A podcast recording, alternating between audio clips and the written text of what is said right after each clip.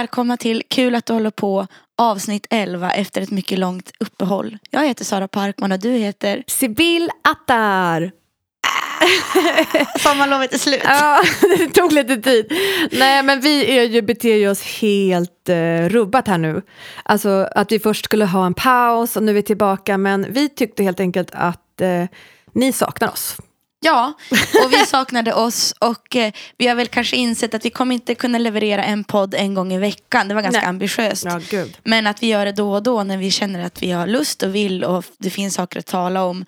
Och eh, idag så var det dags för det.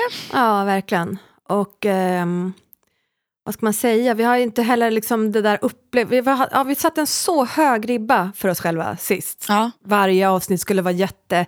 Vi skulle gjort research och eh, idag kör vi lite mera 2.0. Q- eh, KADHP 2.0. Lite mera slapp style. Ja, jag har inte läst en bok till den här gången. Nej. Eh, Det har också Nej. sina anledningar. Men eh, ja, Sibyl, hur mår du? Ehm, men det är så roligt att du är här och Mm. att vi eh, gör det här. Ja, men jag, jag tycker att det går lite upp och ner. Det är så konstigt att förhålla sig till hur situationen ser ut för oss kulturarbetare och samtidigt försöka ha liksom ett liv eh, och inte bara bli problemet på något sätt. Förstår du vad jag Mm. menar? Jag har fokuserat ganska mycket på det som händer just nu i poli- kulturpolitiken Och du har ju, kan man säga så här, jag kollade på en tv-serie på SVT Play Mm. som heter någonting, eh, hette den. Premiärdatum oklart va? Tack! Mm. Och jag, det jag ville säga så här, att serie. Sibyl Attar har profilerat sig så pass mycket i den här kulturarbetares situation i corona att du har till och med var inklippt i vignetten. Mm. Flera till, gånger också. Flera gånger till den humorserien av bland annat Henrik Dorsin. Ja. Så det säger ju någonting om din kraft och energi i den här pandemins tid. Ja, exakt. Nej, men jag har ju varit delaktig i diskussionen, eh, i diskussionen och det har ju varit ganska mycket på grund av att jag tyckt att det har saknats ett perspektiv från en mellanstor artist eller mellanliten. Beroende Just det, på hur man inte ser. Danny Saucedo. Nej, precis. Jag har ändå tyckt eh, själv att min röst har varit viktig. Jo men det är väl många som tycker. Nej men, eh, ja, ja men precis, jag tycker det. Eller jag menar, jag tycker att våran röst är viktig, alltså vi som befinner oss lite här emellan, som hör till kanske ett smalare område och sådär. Ehm, och det är inte att jag menar att det, jag tycker att det har varit bra eh, att det har varit många stora röster, eller kända röster liksom som har utnyttjat den, för det är väl det man fan mig ska göra om man har, eh, har den plattformen. Vad har du liksom. för känslor inför Jonas eh, Gardell? Alltså, varken bu eller bä. Alltså, det är väl bra att han använder sig av sin röst. Jag, jag kan inte, han har sin åsikt. Det som jag har mer att säga om hur media hanterar situationen och vad det blir, med, hur, vad det blir för skriverier och liksom vad det sätts för Rubriker? rubriker. Liksom. Så jag har inget direkt att säga om honom. Tycker du, vi har ju då inte poddat sen i början på juni. Mm. Och eh, situationen är ju faktiskt exakt precis samma som det Mm. var då. Om man tänker utifrån Mm. restriktioner och Mm. pandemin pågår, vi har inget vaccin. Mm. Ser du på situationen på ett annat sätt nu idag? Hur många månader sedan är det? Fyra månader senare? Ja, alltså jag, jag har förlorat ganska mycket förtroende ändå för de styrande. Jag vet inte, jag har börjat tänka på det lite, så här, vad jag hade för förtroende innan. Mm. Jag tänkte inte på kulturpolitik så där otroligt mycket så aktivt som jag, jag gör nu, att jag känner att så här, nu måste vi agera. Liksom. Jag tror att jag var så här, ja, ja, men ja, det är så mycket som är problem i vår bransch. Det är Mm. inte bara typ eh, vår regering som är problemet på något sätt, men nu har det här blivit så himla tydligt. Eh. Om man tänker att hela vår bransch har blivit utlämnad till den här mark ut till marknaden bara, då förstår man ju kanske att den här eh, kulturpolitiska inriktningen har sett ut så här väldigt länge och att man bara inte typ har märkt det. Och vad är det du har saknat under krisen främst? Vad Ehm, önskar du att politikerna skulle ha gjort? svarat. Mm. Bemödat sig att svara. Jag var, tog initiativ till ett upprop som skickades in 13 juli till eh, justitiedepartementet och kulturdepartementet. Mm. Det var ju 173 yrkesverksamma i våran bransch som hade skrivit under. Det var 43 stycken individer som kallade sig själva för artister. Mm. Resterande eh, underskrifter var ju allt från liksom stagehands, security, representanter från Luger, representanter från United Stage, det var ja, men liksom säkerhetspersonal, det var producenter, det var scenografer, det var dansare, det var hur mycket olika eh, En bred flora av det representanter. var faktiskt det. Det, Mm. var, det var, bara blev det. Det var inte... Mm. Jag hade ingen kontroll över det bara för att jag tog initiativet. Liksom. Men, och då minns jag, att precis just då så pratade ju eh, Amanda Lind framförallt gick ju ut ofta och sa att hon var, att hon var i kontakt och samtalade med branschen. Men liksom, det uppropet fick inte ens ett svar. Nej. Inte ens ett svar. Inte ens ett autosvar. Vi fick ett svar från justitiedepartementet som egentligen var bara en copy-paste från regeringens hemsida. Men jag tycker att det, det sätter sig ju. Och det har satt sig i mig, liksom, att eh, de, de har ignorerat alla rop på hjälp. Och det där tänker jag är intressant för jag har ju varit lite mer passiv i, jag har ju inte drivit upprop, jag skrev ju under såklart det du Mm. gjorde. Men har stått lite mer på sidan av och tittat på för att jag Mm. har inte orkat och ibland Ja men man har sina strider man väljer och just den här striden var inte riktigt min att föra men jag har varit tacksam för att andra som har höjt rösten och så vidare. Jag tycker att det är intressant att följa hur, vad vi lägger för, för tilltro till politiker och den makt som de har men också Mm. inte har. Och till Mm. exempel där kulturministern är ju den förmodligen den, den ministern som har minst budget i relation Mm. till de andra ministrarna och Mm. departementet i regeringen. Eller som ligger under regeringens makt. Men, men får ett otroligt symbolvärde. Mm. Så vi förväntar oss att det ska hända Mm. väldigt mycket fast de egentligen har väldigt få ekonomiska resurser. Och ett, jag tyckte det var fånigt när Jonas Gardell sa avgå Amanda Lind och hela liksom den debatten som det har blivit. Men det är det jag tycker är intressant med det du säger nu. För det, det där det handlar om, så här, du, det du faktiskt önskar att de skulle ha gjort är att bemöda sig att svara. Det har ju inte med ekonomiska resurser att göra. Det har ju, det har ju inte alls med makt eller möjlighet. Jag menar, en politiker kan inte stoppa en pandemi. Vi, vi, ska, vi ska hålla avstånd. Det finns vissa saker som vi bara måste acceptera för att vi, det är ett virus vi inte kan hantera än så länge. Men just den där saken, att be om ett svar är, det är inte en kostnadsfråga. Nej men sen tycker jag också att eh, det är ju ett aktivt val också att tala till en, en hel yrkesgrupp och då pratar jag inte om oss bara eller en musiker eller utan då pratar jag om alla som jobbar med mm, publikvärdar, alltså alla. Att prata till en stor, enorm grupp människor eh, som om att de inte förstod vad som pågick. Det är ju ett aktivt val för då, och det funkar ju väldigt bra för då blir ju diskussionen så här att alla som jobbar i den här branschen måste sitta och säga så här jag förstår att det pågår en pandemi. Istället för att faktiskt vara så här, okej, alla förstår att det pågår en pandemi, ingen vill att någon ska dö, ingen vill smitta någon annan. Eh, den här branschen vill inte öppna om det är farligt. Men vad kan vi göra då? Och det är ju den här typen av retorik, en slags förmyndarton som har förts mot en enorm grupp människor eh, som, som eh, jag tror är det som provocerar folk mest. Helt ärligt, självklart, de som inte kan betala sina lån och hyror och sådär, det är klart att det också provocerar. Jag blir liksom irriterad varje gång jag hör en kulturarbetare eller en stagehand eller vem det nu kan vara, att den måste börja alla meningar med att säga så här, jag förstår att det pågår en pandemi. Alltså, Ja, men det vittnar ju också om eh, kanske en svensk politisk syn på kultur. exakt. Eh, väldigt tydligt Mm. att vi har en ganska torftig kultursyn. Vi har också en ganska, eh, kanske en rädsla, det här har man ju pratat om tidigare också när det kommer till kultursyn. När man har pratat om, ska man göra en, en litterär kanon eller det här Mm. att vi, våran eh, statsminister eller högt uppsatta politiker i Sverige säger att de gillar Buzz eller lyssnar Mm. på Bruce Springsteen medan andra i andra europeiska länder Det är har man bild- markörer. Ja precis och då har man bildningsideal att man ska kunna ganska mycket om kultur och det finns också något jag vet inte om det är rykte eller så här, men det, i, internationellt sett så vill man aldrig bli placerad bredvid svenska eh, finansmän för de är så tråkiga att prata om för de är så obildade. att eh, i Sverige så har vi någon slags ingenjörssyn på konst och musik som också syns i de, de stora musiken som vi levererar och inklusive hela idén med Spotify. Medan i många andra europeiska länder framförallt så finns det ett ganska tydligt bildningsideal. Och jag tror att i Sverige har vi blivit ibland rädda för att bildningsideal blir kopplat till som en klassmarkör. Så då finns det också en, en vänsterrörelse som inte heller, man vill inte prata om en litterär kanon, vi vill inte prata om bildning för då är man, det är ett borgerligt eh, fenomen eller ett överklassfenomen.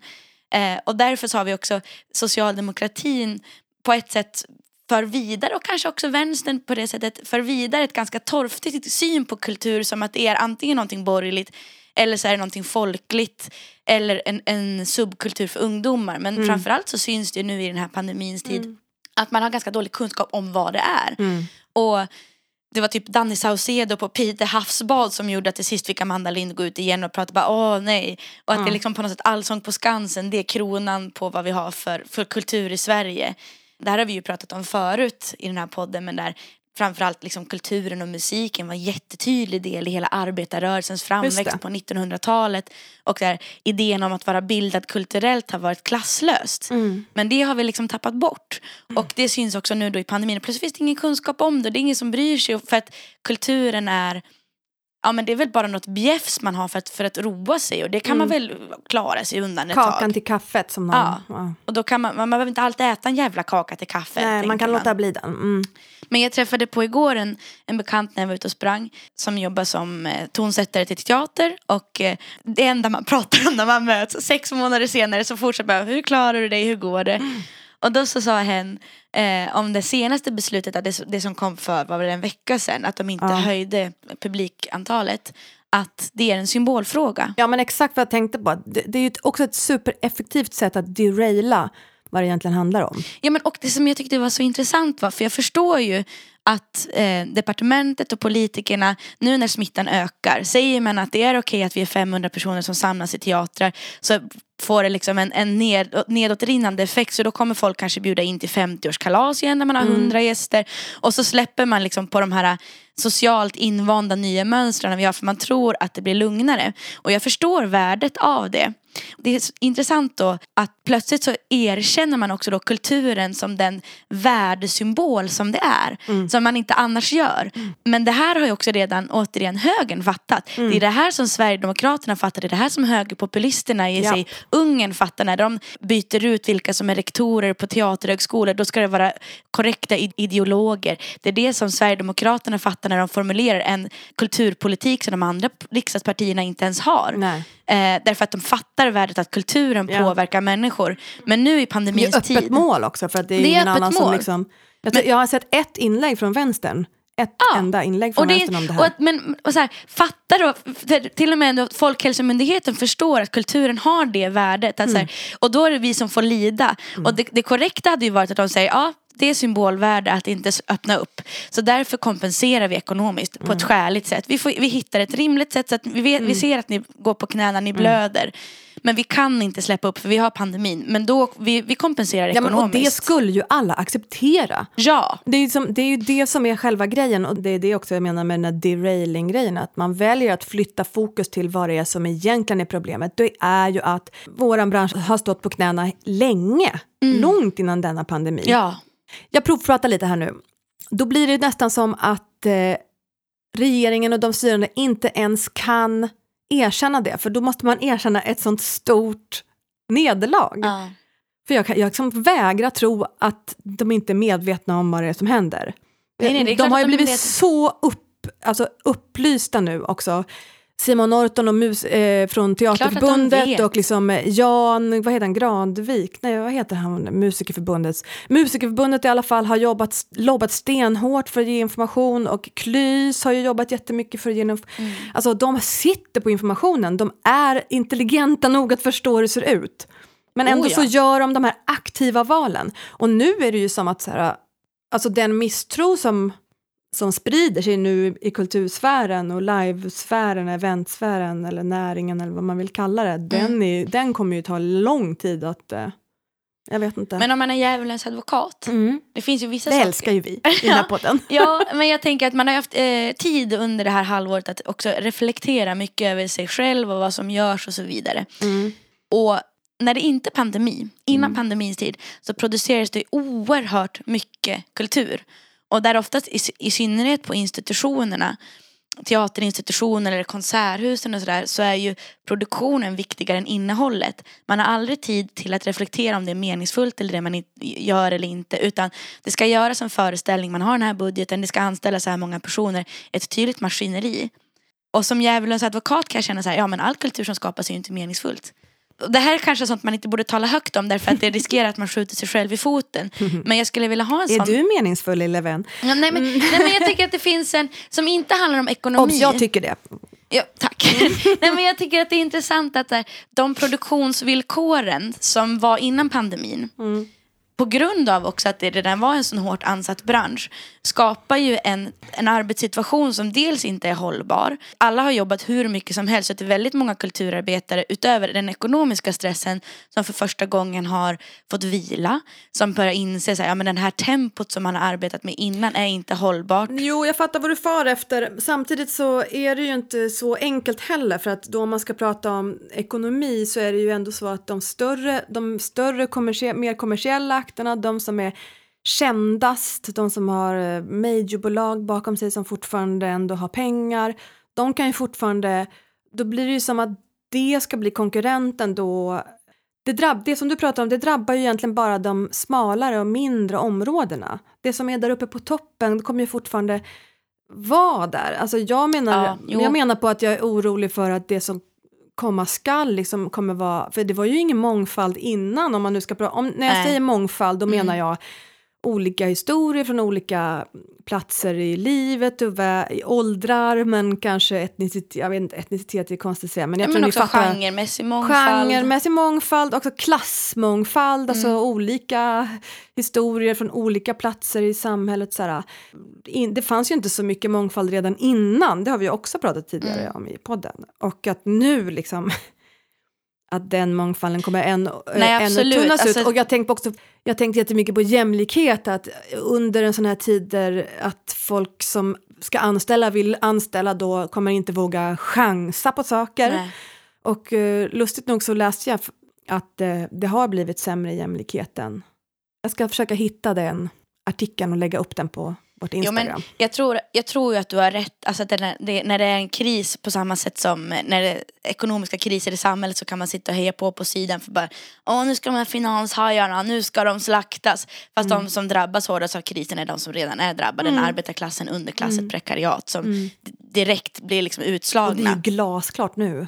Jo, definitivt. Jag, tror, jag tänker i någon så här, en utopi att jag har sett vissa på Facebook som jag innan tyckte har gjort extremt tråkig musik så kan jag känna så här, ja, jag bryr mig inte om du ska klara dig igenom det här för det du har gjort tycker jag är så jävla ointressant och du får alltid pengar från olika institutioner därför att du representerar en viss typ av genre, estetik. Eh, jag lider inte med dig men, men du har helt rätt i att, fattar. att den här liksom mång, det kommer backa men, men jag tror en eller det här är också då min egen erfarenhet, att eh, vi har ju arrat i våran replokal i Axelsberg så har vi gjort två stycken konserter. Och då var det som att jag smålog för mig själv och kände att man blir aldrig mer än att man släpar ett PA ner på innergården och ordnar en konsert och ber folk swisha. Och man, har, man skriver en skylt på en kartong där det står bar. Eh, och så, Åh, så vad underbart. Jo, men, och det har man ju gjort sedan man var ja, men 18. Mm. Eh, och det spelar ingen roll hur mycket priser eller något sånt. Det är det här som är basverksamheten. Vi samlas och lyssnar på konsert. Och kanske det är någon slags förhoppning att, att så här, vad är det vi saknar? Vi, vi längtar efter att möta varandra, att få höra musik live. Och då tror jag, jag tror att det är få som kanske uttalar på, alltså jag drömmer om de här 40 000 gigsen på Globen när man står där på någon, någon DJ som står och viftar med händerna i luften. Utan det är ju Jag måste mer... ändå bara prata med någon för att man har fått gästlista. Och typ. ja, wow, ja. Eller att någon annan gör det. Liksom. Kul att du får gästlista till Swedish Nej, House Mafia. Nej, det får jag inte. jag vet vad Nej, men kanske att det kommer tillbaka en liten, den lilla klubbverksamheten. För, Mm. för så har det ju varit tidigare att de här klubbverksamheterna runt om i Sverige har ju fört en tynande verksamhet för att folk inte längre går på konserter på samma sätt. Det är liksom den här monopolet och liksom centraliseringen av konserter har ju också skett Mm. innan pandemin. Att det blir de här större, stora eventsen medan de här små arrangerande föreningarna Mm. haft svårt att hålla på. Och kanske får det en revival nu igen också med de här 50 pers gigsen som ordnas. Jag hoppas att det ska bli så. Jag tänker välja att hoppa Att igen. de mindre kulturevenemangen som inte är de Nej, superpåkostade men var ska vi ens ha de evenemangen när det blir kasinon för att de har inte råd att ha kvar de Nej. lokalerna ens. Alltså ursäkta min cyniska liksom... eh, Det är okej, jag tycker man får kräkas ut i sån här podd. Ja, det, och eh, det, ja, men vad ska man ha dem? Och vem ska göra ljud? Nej, Alltså, visst är det liksom, så. vem ska hyra ut PA? Men ja, nej men jag vet inte, man ska väl avvakta och se, men jag tror att jag pratade med en kompis som bor, eller en, en kompis som är amerikan som bor i New York och han berättade att eh, alla de får liksom 600 dollar i veckan. Det är så USA har löst det, eller New York Ja, kanske. jag vet inte exakt, jag har ingen insikt exakt, men han berättade i alla fall att alla, han, han är producent Mm. eh, och eh, hans eh, tjej är musiker och de gör skivor tillsammans. Så han, han har ju ett nätverk där som är musiker och sånt. Mm. Och alla i hans krets, de är ju bara skitnöjda. Det, det gör så mycket skivor Mm. och skrivs så mycket musik och det är bara så här, ja, det är klart att det är jobbigt men, men de har inte den här ilskan som finns här. För Nej, att de här- har ju fått, ja, och gud, jag menar nu låter det som att jag är någon slags pro-USA. Det är ju uppenbart att det inte funkar något bra i USA överhuvudtaget rent generellt. Men, men nu pratar jag bara om det där äh, Men det är fler länder som, både i Norge har jag hört att de också haft, att de har haft något mer typ av månatligt ut, utbetalning. Tyskland, Mm. det, jag tror att Sverige faktiskt har, av länder som har ekonomiskt råd att ge bidrag till kulturarbetare Mm. så tror jag att Sverige har inte hittat lika smidig lösning som andra motsvarande länder. Typ Norge, Finland, Mm. Tyskland, de har USA. ju, just Norge och Finland har ju levererat så mycket bättre generellt om man tittar på siffror och sånt. än har gjort. Ja, nej men jag vet att England har ju, har ju också jobbigt med det här med kulturen nu. Mm. Så vet jag. Usch, men nu blir det så himla depp. Ska vi ta en låt? Ja, Eller? ja men det tycker jag för det För har vi- ändå släppts mycket, det släpps musik, det är Ja, kul. Jag ja. tycker på hö- hösten är alltid en härlig släppperiod. Jag har mina sådana Spotify-listor över låtar jag gillar alltid mycket längre på hösten än på våren. Mm. Murriga, deppiga. Men det här var en låt som faktiskt min ateljékollega Kajsa skickade. Mm. Eh, som jag tänkte vi skulle lyssna på. Jag blev kul. glad att hon skickade. Mm. Det är KC Baby, det är alltså Kajsa och Conny. Och Conny är han som var med i Bob Hund. Och All- Kajs- är- ja, är är, med. förlåt, förlåt, förlåt. Ja. Och Kajsa, Kajsa jag- Magnarsson, nej ni känner inte. Hon är tonsättare, hon startade bland annat Konstmusiksystrar som är ett Okej. nätverk för kvinnliga tonsättare och gör liksom spacad fri konstmusik. Ja, vad kul. Låt höra. Mm. Det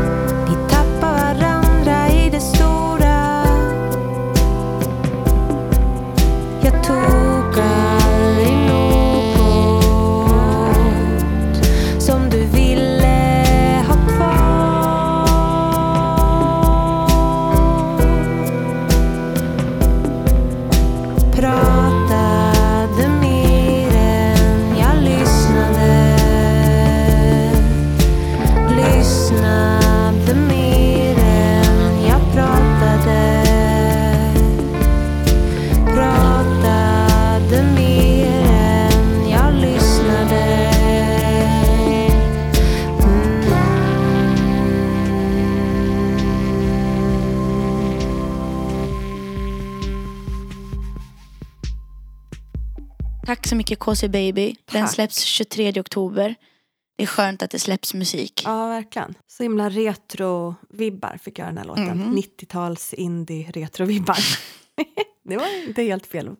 Men du Sara, Mm. vad har hänt i ditt liv sen sist? Ja, ja men eh, det har hänt en del saker. Jag köpte ett hus. Just I det, det är skogen. helt otroligt. Jag har lagt golv, tapetserat. Jag insåg när jag och Samantha satt på skruvade i det här furugolvet som jag hade åkt och köpt i, utanför Ulricehamn att jag egentligen skulle varit och spelat i Tallinn men nu skruvar jag ett golv eh, i Bergslagen och det kändes ganska trevligt ändå. Mm. Eh, så det har jag gjort. Jag har varit i det väldigt mycket över sommaren. Men du, har, du har, gjorde också en ganska fin, eh, eller en jättefin eh, konsert i eh, någon, svenska, någon kyrka. Mm. Det var, kan alla gå och kolla på. Det var Ja, fint. absolut. Den finns då på Svenska kyrkans eh, hemsida, Mm. eller Facebook-sida.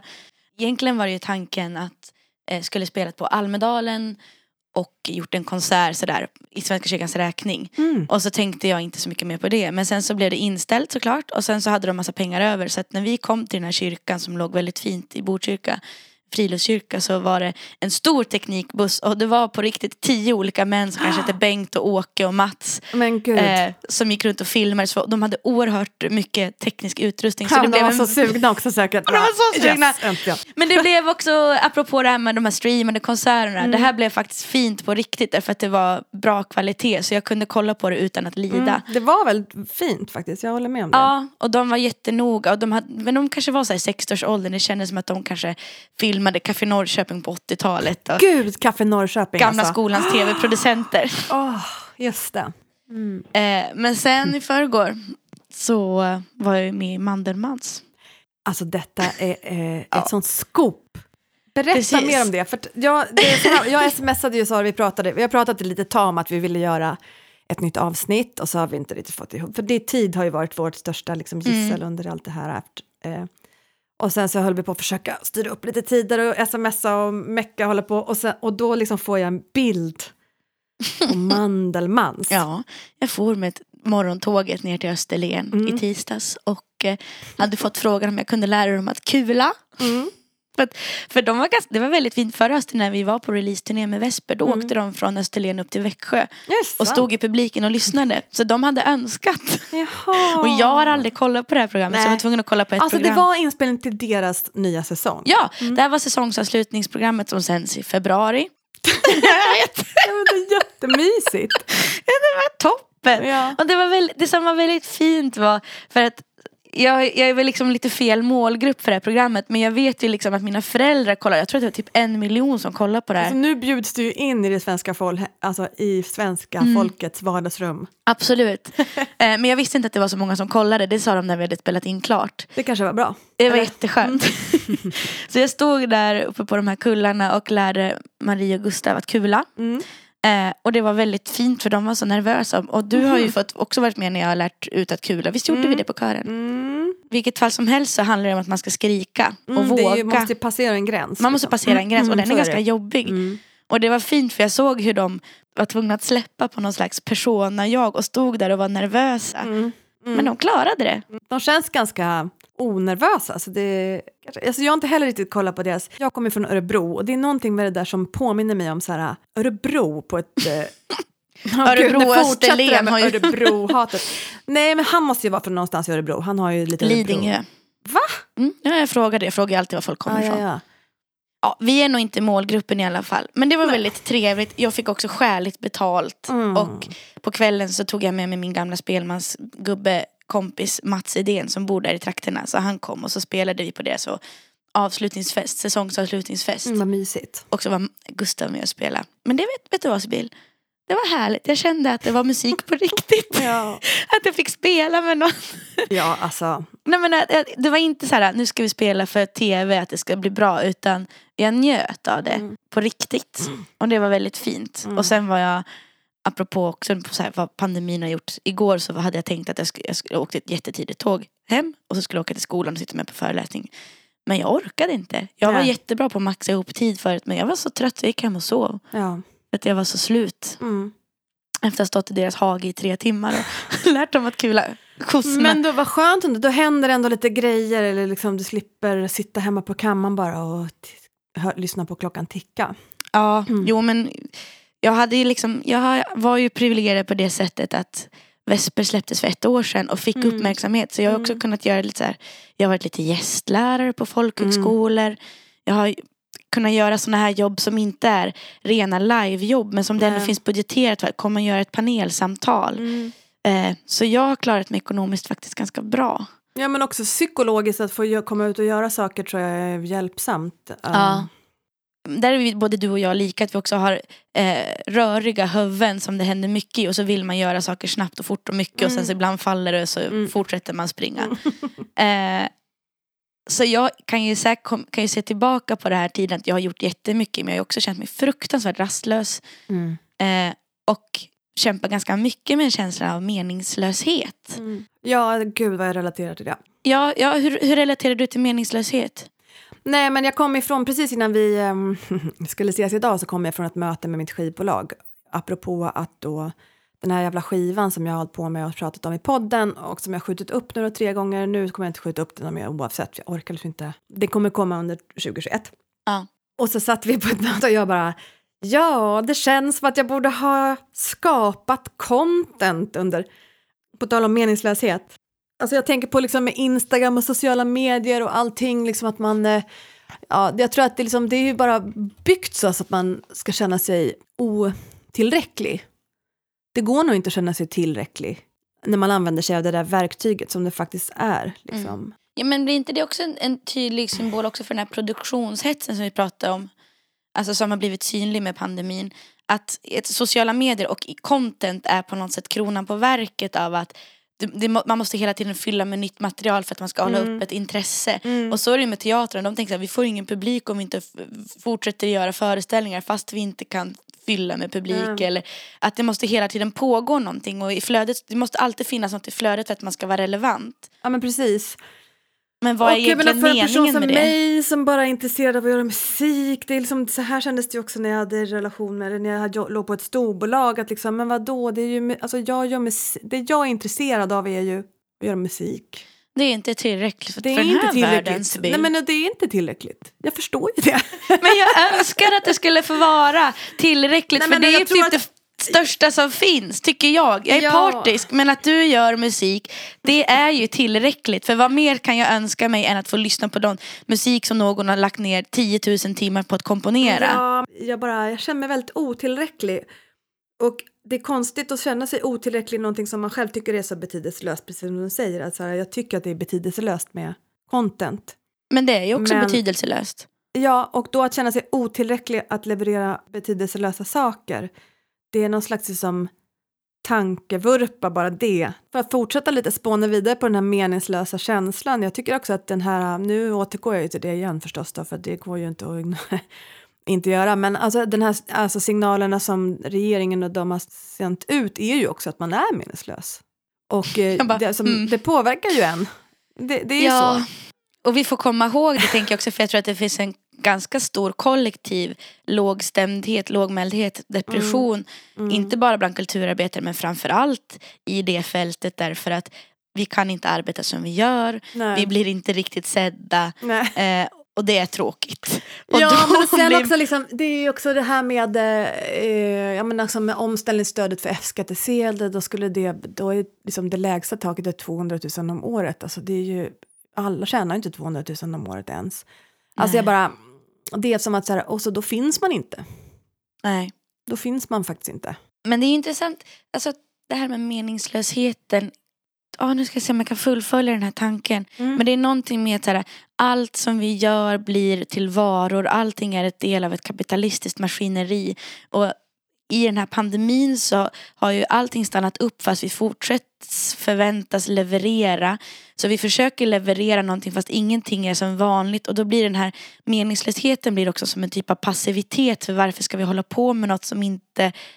Det blir som ett, ett, en evighetsåtta av meningslöshet som jag Mm. tänker kommer ur den här produktionshetsen. Mm. Vi förväntas producera men Mm. vi blir inte belönade med varken lön eller publikmottagande Nej. eller någonting. Och då blir den här liksom den kapitalistiska ekvationen blir synlig när vi inte får belöningen. Mm. Eh, och då blir vi bara tröttare och tröttare och tröttare. För att det är det jag tänker att som är så viktigt att då komma tillbaka till vad är värdet av kultur? Jo Mm. men för mig är det, det uppstår stunder när jag musicerar med någon, när det är som att ett ljus kommer in i huvudet och hela Mm. jag blir lycklig. Jag kan möta en annan människa när vi sjunger tillsammans. Eller jag får lyssna på musik jag får ta del av.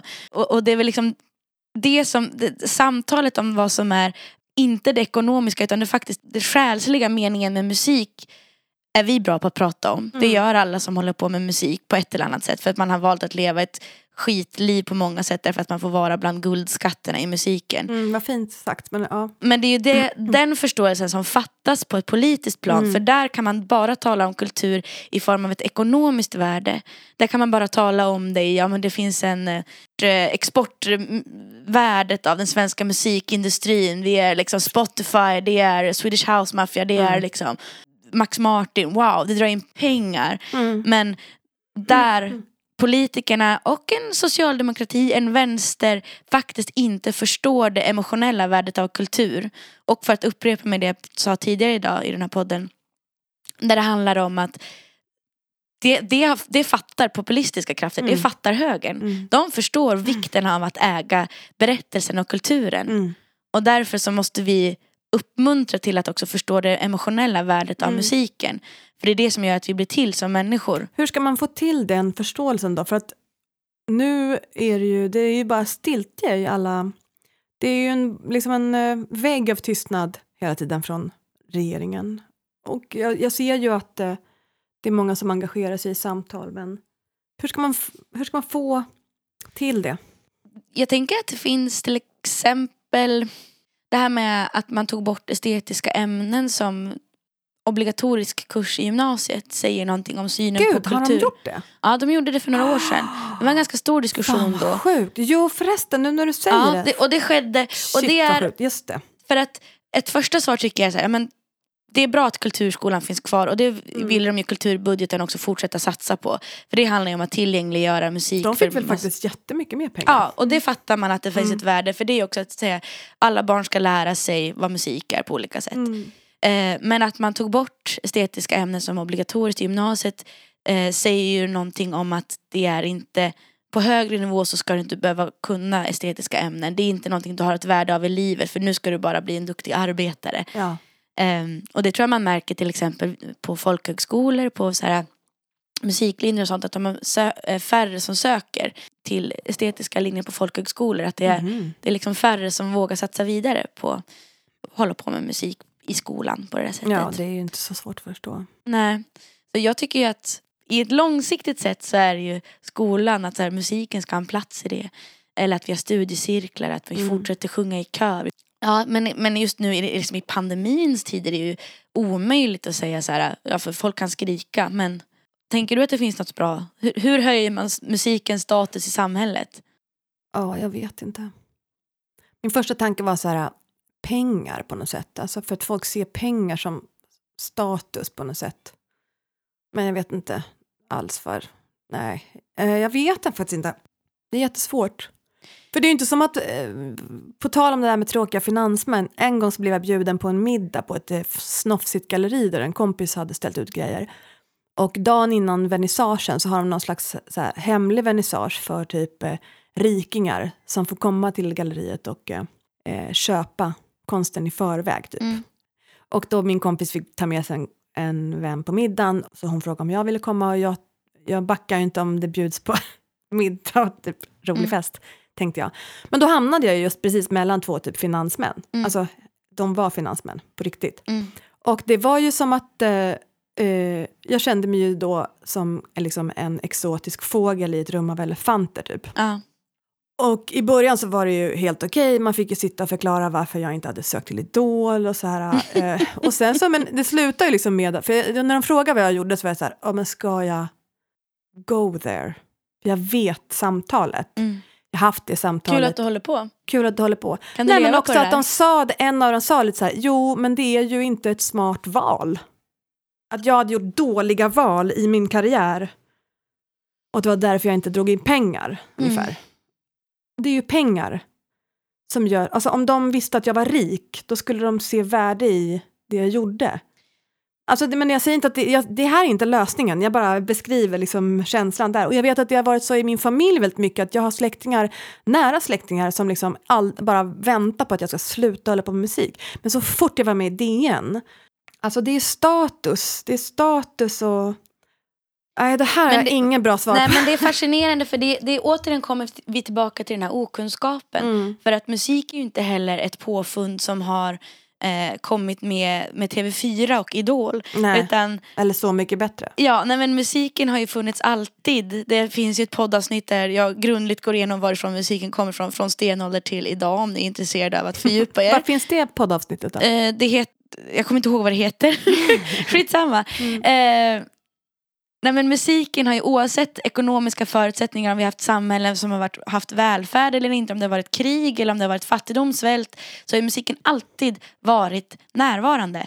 Musiken har alltid funnits sida vid sida när människan har gått. Och det är klart att vi Trots att det är pandemi har mycket bättre ekonomiskt, eh, ekonomiska förutsättningar att leva som musiker idag än vi hade för 200 år sedan när vi varit spelmän och liksom kuskat runt på någon liten häst och vagn och fått dricka brännvin och, ä- och äta liksom resten av något slängt Låter ändå bröd. bekant. Ja just det, må, må, dåtidens ölbiljett och sova på ett Mm. gympasalsgolv och att få liksom mäsk och sova på en höse, Mm. eh, höskulle. Romantiskt. ja, väldigt. Eh, Men den där förståelsen att så här, musiken har alltid, vi har alltid haft musiken, vi har alltid musicerat med varandra. Det är livets golfström. Eh, och utan den så blir det väldigt kallt. Mm. Men jag tyckte apropå ytterligare vissa saker som jag tycker har fört med sig bra saker med pandemin. Det var att Kungliga Musikaliska Akademin som är en akademi som grundades väl på 1700-talet som är väldigt snofsigt såklart. Det är som motsvarande Svenska Akademin fast för musik. Mm.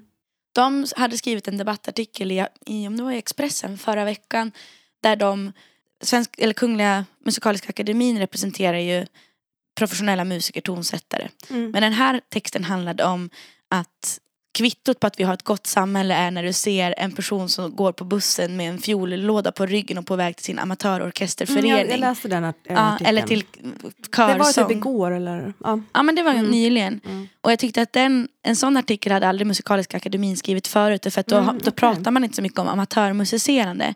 Men nu formulerar de också så här. Det är så många människor som har det som hobby. Det är en del i vårt demokratiska samhälle att vi musicerar tillsammans. Det här måste också få stöd, det här ska värderas upp, det här ska ses som någonting Mm. viktigt. Därför att musiken är inte bara någonting vi konsumerar eller som vi tar del av via Idol. Utan det är också någonting man gör torsdag mellan sju och åtta tillsammans med sina kollegor. ja, visst.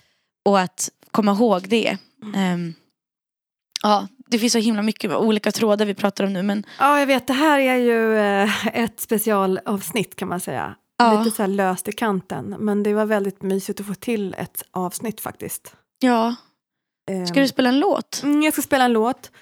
Och det är en Madonna-låt. Är det en ny Madonna-låt? Nej. Det är en... Jag tänker att den kan få vara den, det som jag pratade... Du, när du berättade om att du gick i skolan Mm. och jag sa att jag, det lät skönt för att det var som att befinna sig lite i en annan verklighet. Mm. Den här kan få vara min alternativa. Madonna är din eskapism. Nej, det är inte direkt. Men den här låten är det. Okej, here goes nothing.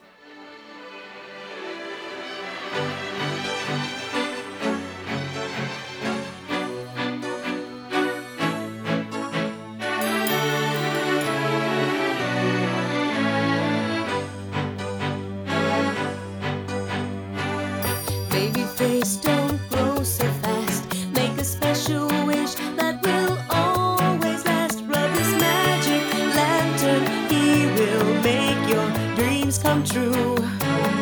For you, ride the rainbow to the other side. Catch a falling star and then take a ride to the river that sings and the clover that brings good luck to you.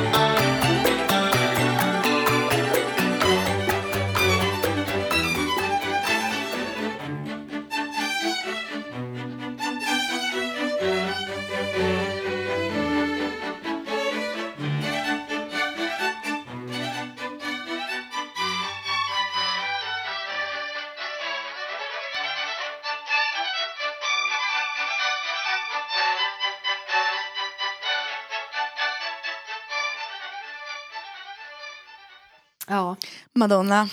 Ja, för jag har lyssnat på den här skivan så mycket i mitt liv. Eh, faktiskt. Och nu har jag befunnit mig i den lite på senare tid. För att jag har spelat in en cover på en av de låtarna till den kommande skivan. Och det har varit ett sånt eh, helvete att få den godkänd. Men nu är den godkänd i alla Ja, fall. du fick till det. Mm, det för, alla. för er som inte vet, om man gör en cover så måste ju liksom förlaget eller upphovspersonen måste godkänna. Alltså det, förlåt att jag avbryter, men det är inte riktigt sant. För Inte att om, sant? nej, Okej. alltså om man, om, så här är det, som, som Stim säger, eh, så om man gör en cover som inte frångår originalet i arr, eh, i arr, melodi och text helt enkelt, då behöver man inte be om lov. Men om man flyttar runt saker, som i mitt fall hade jag flyttat liksom en grej, ett stick Mm. till slutet, och då måste man få ett Om man godkännande. går in och gör en konstnärlig förändring. Ja, och det kan man ju tycka låter o... ehm, man kan tycka att det är svårtolkat, för vad är en konstnärlig förä- förändring? Men som jag förstår det är då att man ska, om man har kvar samma R, liksom två, tre, eh, två, vers, refräng, alltså man, då, då ska man inte behöva be om lov. Men jag hade ju då, eh, jobbig som jag är, ändrat lite. Så Mm. det var en liksom, evighetsprocess. För att låten förlag, förlas på tre olika förlag och ja. Men nu är den godkänd i alla fall. Är det något mer du vill berätta om din skivprocess innan vi rundar av podden? För jag tycker, för den som har lyssnat på poddarna så har det ändå varit eh, man har ju fått följa din, Mm. ditt arbete med det så jag tycker det är ganska fint att det liksom pågår. Och så får vi vara med när det släpps också. Är, Mm. till exempel har du hållit på med omslag som jag fick se. Ja, ja, men det har ju varit en bi... Det som har varit jobbigt i, med, i och med att jag har skjutit upp det så många gånger är att man hinner ju tveka och ändra sig. Så här. Och jag har ändå varit otroligt eh, disciplinerad när det gäller musiken. Alltså jag har bara gjort klart, den var, blev klar i maj. Så att jag har inte petat på musiken alls, vilket jag hade velat. För nu har jag ju flera gånger bara tyckt att allt är skit och vill inte släppa det för att det är så dåligt och sånt där. Men jag vet ju också om att så här ser processen ut. Mm. Och för mig brukar det vara så att när jag har släppt en skiva då lyssnar jag liksom aldrig på den igen. Mm. Alltså jag släpp, ja, det är möjligt. Jag lyssnar kanske inför rep och sådär. För Eh, att, precis samma, jag men lyssnar som inte. fan att lyssna tillbaka, då hör man ju bara allt man gjort fel. Och det- antingen det, att man säger det här skulle man kunna göra bättre. Men jag Ja. tycker också att det är emotionellt jättejobbigt för när jag lyssnar på det så minns jag hur det var när man spelade in. Ja. Det är som att äta en sån här klassisk Ja. madeleinekaka. Ja. Så, här, "Ah, den här, och den här texten handlar ju om det. Och så blir man Mm. väldigt så här, blödig.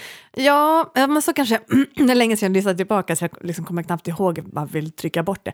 Men nu är det ju som att jag har kunnat lyssna, liksom ändå varit tvungen att lyssna tillbaka hit och dit inför olika saker och bara tvingas att liksom in, disciplinera mig så att jag inte ska gå in och ändra grejer. Det är ju vissa grejer som jag varit så här, det här låter fan skit. Men jag har ju inte tyckt det när jag tyckte att det var klart, så jag, det får man ju bara lita på. Men, men jag vet inte, det har varit liksom trögt. Och med omslaget så har det varit som att lite samma sak. Att så här, ja, men här kan man, och där har jag inte varit så disciplinerad utan där gått in, ändrat och undrat och kanske, åh ska det, mm.